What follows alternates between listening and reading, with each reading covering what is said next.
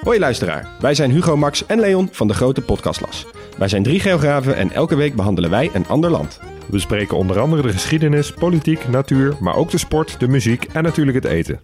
De nijlpaarden van Pablo Escobar, de vele bunkers van Albanië en het verschil tussen een sheik en een emir zijn zomaar wat voorbeelden die langskomen. Maar we bespreken ook de geopolitieke invloed van China in Afrika en de impact van het Europese kolonialisme. Luister dus wekelijks naar de audioversie van de Atlas, de Grote Podcastlas.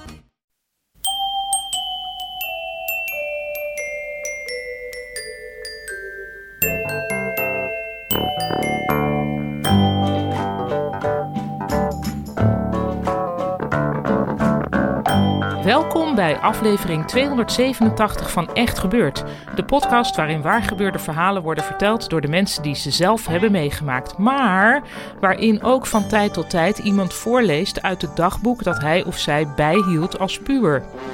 In deze aflevering het puberdagboek van Sarah May Leeflang.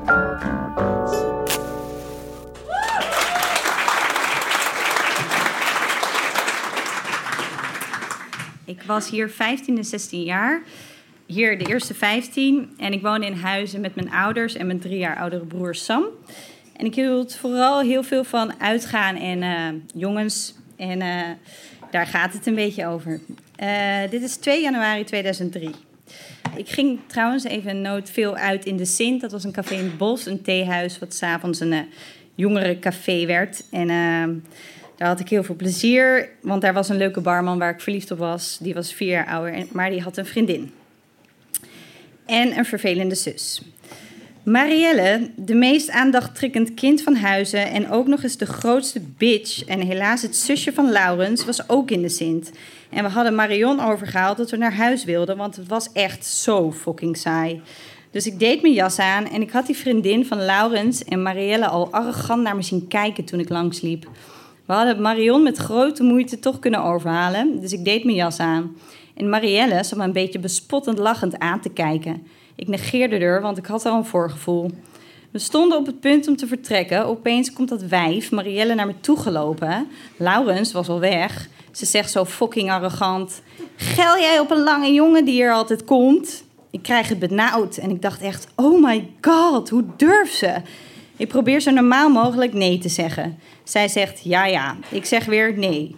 Ze doet zo fucking arrogant. Nou, we gingen. En ik dacht, wat een stom, capsones, gemeen kutwijf. ik was het hele voorval alweer snel vergeten. Toen ging ik een paar weken later naar het honkbalfeest. Marielle, de vriendin van Laurens, en daar weer een vriendin van, die trouwens ook een zus is van Laurens. Opeens kwam Marielle op me afgestormd en ik was alleen met Vee. Dat kind schreeuwt als een viswijf, zo praat ze echt altijd. Waarom gel jij op mijn broer? Ik blijf echt heel cool en rustig. Maar zij begon maar druk te doen, echt zo'n ADHD-kind.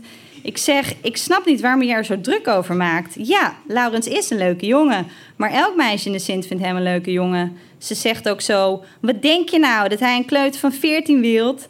Nou, een heel conflict. Ik bleef nog rustig, maar zij liep echt bijna te schreeuwen.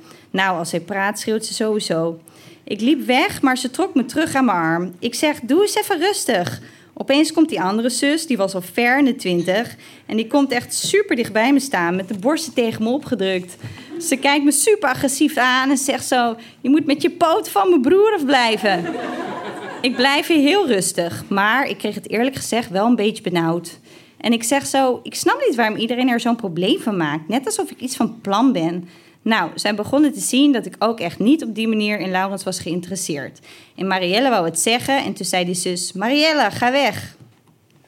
Nou, die andere zus begon opeens heel aardig tegen me te doen, overdreven zelfs. Ze zegt zo, ja, en als er ooit wat is, kan je altijd naar me toe komen. echt, sloeg nergens op. Opeens deed ze super aardig. Ik dacht echt, fok toch op. Nou, toen ging ze weer naar de dansvloer. Ik ging naar de wc en barst in huilen uit. Ik weet niet. Ik ben best wel veranderd. Vroeger had ik echt mijn woordje klaarstaan en had ik haar hard uitgescholden. Maar ik dacht ook nu echt, als ik dat doe, krijg je echt zo'n grote scène. Dus dat was ook wel goed dat ik dat niet deed. Ik bleef er echt cool onder. Nou, dat was het eerste stukje. Dan dit een half jaar later, in de, dan ben ik 16. 24 juli 2003 en uh, dit was de grote vakantie. De vakantie is een periode waarin je de kans hebt geld bij elkaar te rapen door middel van vakken vullen op zonnige dagen. En wat verdien je ermee? 2 euro? Misschien iets minder zelfs. Ja, dat noemt men sparen voor je vakantie. Niet wetende dat één dag werken al te weinig verdient om een avondje vanuit te gaan. Oké, nu overdrijf ik het misschien een beetje. Wat ik duidelijk wil maken is dat mijn moeder niet begrijpt dat vakantie voor mij betekent, dubbele punt, periode van rust. En niet, dubbele punt, periode van rotbaantjes. Ik zie mezelf al vakken vullen. Ik kijk opzij, zie de schuifdeuren opengaan en vang een glimp van de zon op. enige wat ik zou denken, lag ik maar in de seis. Dat was een openluchtzwembad. Of kon ik serie Friends 5 nu gewoon maar weer voor de 25ste keer zien. Ik heb geen probleem met werk in de vakantie. Ligt eraan wat voor werk. Ilja en ik hebben echt heel veel gebeld. Maar ze willen me niet. Ach, wat raar. En omdat ik het vertik om in zo'n mislukt pakje achter de kassa van de Xenos te zitten, ben ik opeens lui volgens mijn moeder. thuis heb ik zelfs geprobeerd. Nou, dat leek me eerlijk gezegd nog leuk en dankbaar ook. Want believe me, ik zet me echt voor veel in. Ik heb nu 4,35 euro op mijn rekening staan. Dus ik ben erg wanhopig. Maar nee, mijn moeder vindt mij lui. Laten we daar even op terugkomen. Om te laten zien dat ik niet zo lui ben als ze denkt, doe ik nu dingen in huis. Wel voor geld, of course. ja, ik heb de badkamer gepoetst. Hij blinkt nu echt, dat zweer ik. De kamer gestofzuigd en mijn kamer gepoetst. Ze begint nu al iets meer te geloven dat ik niet meer zo lui ben. Oh, Zeeland, daar moest ik ook nog over schrijven. Waarom ook alweer? Oh ja, tuurlijk. In Zeeland heb ik heel veel gedronken. Was dat het? Ik kan me niet meer zo goed herinneren allemaal. Oh nee, ik weet het weer. Er was nog een camping, puntje, puntje, puntje. Oké, ik hou op met de sarcastische ondertoon. Bye bye, kiss, ciao, adios, kus. En uh, dan gaat het verder over Zeeland. Een week daarna, 29 juli 2003. Zeeland, ja, daar heb ik een hoop verhalen over. Ik heb in die week met drie jongens gezoend. Robbie tussen haakjes Don't Get Me Started, Stefan en Stijn. Maar laat ik beginnen bij het begin. Ilja en Marion kwamen bij mij rond 1 uur. Marion die kreeg een telefoontje van haar moeder dat haar opa op sterven lag. Nou, Marion natuurlijk overstuur. Uh, Marion besloot naar Winterswijk, andere kant van Nederland, te gaan. En de volgende dag dan naar Zeeland te komen, want het was wel haar enige vakantie. Nou, Ilja en ik sliepen de eerste nacht dus met z'n tweetjes. Nou, we kwamen aan. Iedereen bij ons in het straatje had zijn tent, partytent, et cetera, al geïnstalleerd slash opgezet. Toen kwamen wij aan met één koepeltentje voor ons drieën. Het begon al lekker. We pakten de tent uit, legden het grondzeil neer. Ik zeg, Ilja, waar zijn de haringen? Ja, het bleek dat we de haringen waren vergeten. Great. Mijn moeder helemaal pis. Ze was echt vet kwaad. Ze vond dat we ons helemaal niet hadden voorbereid. Terwijl ze echt niet heeft geholpen qua spullen die we mee moesten nemen. nou, ik bel Richard op, de jongens uit Huizen die we al lang kennen van het uitgaan. Zij hadden gelukkig haringen over.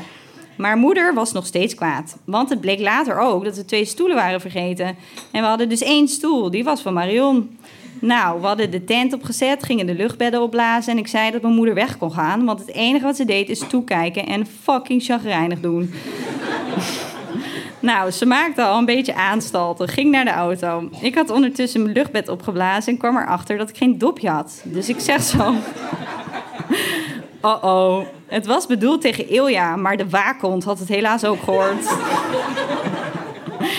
Ze zegt zo, ben je weer wat kwijt? Ik zeg met een big smile, nee. Ze zegt, je hebt zeker geen dopje. Ik zeg, jawel. Ondertussen had ik nog wel mijn vinger op het gat, terwijl, terwijl het luchtbed was opgeblazen. Dus ze wist al dat ik geen dopje had, maar stapte gelukkig de auto in. Nou, de bagage nam al de helft van het tentje in. En de twee luchtbedden van Ilja en mij pasten er net bij. We voelden ons echt vet lullig. We hadden één mini-tafeltje en dan ook echt heel mini. En één stoel. Terwijl iedereen om ons heen super grote tenten hadden. En dan ook nog een partytent, koelkasten, tafels, vet luxe stoelen, veel stoelen, stereo-installaties, koffiezetapparaat, tosti-ijzer, et cetera. Wij hadden om precies te zijn één klein lullig gasstelletje en één stilpannetje. Verder niks. Ilja en ik besloten onze zorgen weg te drinken en zochten de supermarkt op. We kochten voor ieder drie briezers. Daarna besloten we naar het strand te gaan. We moesten eerst nog wel uitzoeken hoe we daar kwamen. Nou, volgende keer schrijf ik verder. Ik ga morgen naar Six Flags en moet een beetje vroeg op, dus ik duik mijn beetje maar eens in. Doei, smak, kus, ciao, bye, au revoir. Sorry mee. En dan het laatste stukje is 5 november 2003, nog steeds 16. Nou, bijles was weer erg nuttig, niet sarcastisch. Ik moet echt beter mijn best gaan doen op school. Ik doe alles wel, maar alles half, doordat ik het snel af wil hebben. Dat heb ik vooral met economie en ANW, Algemene Natuurwetenschappen. Ik lees tekst, stamp het in mijn hoofd, maar als ik het zou moeten uitleggen, zou ik niet weten wat ik zeg.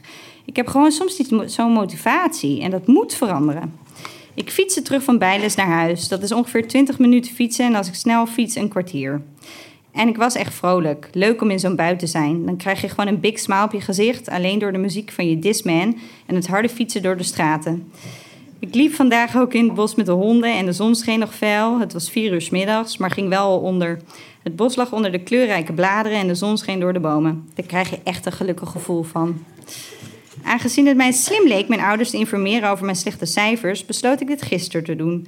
Ik had voorspeld dat ze zouden zeggen: Je gaat te veel uit, je hebt het te druk, daar komt het door. Nou, dat zou mijn moeder zeggen. Pa zegt alleen: Dat is niet zo best. Wat denk je? Ik kom thuis van turnen. Mijn slimme tactiek kwam van pas. Want ik had het eerst tegen mijn vader gezegd, zodat wanneer ik op turnen was en mijn moeder dan zou thuiskomen, dat hij het zou zeggen van plaats ik.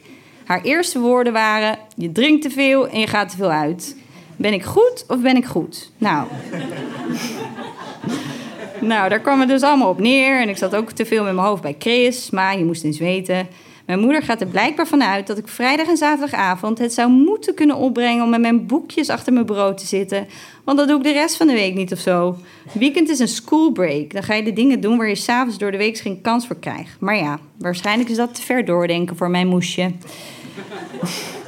Nee, ik vind het natuurlijk hartstikke lief dat ze zich zorgen maakt. Maar er moet wel een verschil blijven tussen zorgen maken en zeiken.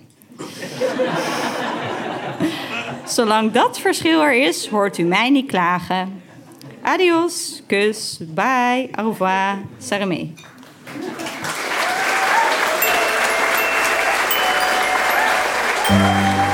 Dat was Sarah May Leeflang, die in november 2019 uit haar puberdagboek voorlas tijdens een echt gebeurd in een ja, toen nog gewoon afgeladen volle comedyclub Toomler in Amsterdam. Hopelijk kunnen we daar in de loop van dit jaar weer terecht met nieuwe verhalenmiddagen. Sarah May werkt als freelance journalist en is momenteel bezig met een boek over de 2,5 jaar durende fietsreis die ze maakte van Griekenland naar Thailand. De Echt Gebeurd redactie wordt gevormd door Miga Wertheim, Rosa van Toledo, Maarten Westerveen en mijzelf, Paulien Cornelissen. Onze producent is Eva Zwaving, onze zaaltechnicus in Toomler is Jasper van Oorschot en deze podcast wordt verzorgd door Gijsbert van der Wal. Dit was aflevering 287. Bedankt voor het luisteren en vergeet niet als een of ander stom, kapsonus, gemeen kutwijf super arrogant aan je vraagt waarom je geilt op haar broer, blijf dan gewoon rustig, denk fok toch op en ga huilen op de wc. En bel deze week je moeder, want er is geen verschil tussen je zorgen maken en zeiken.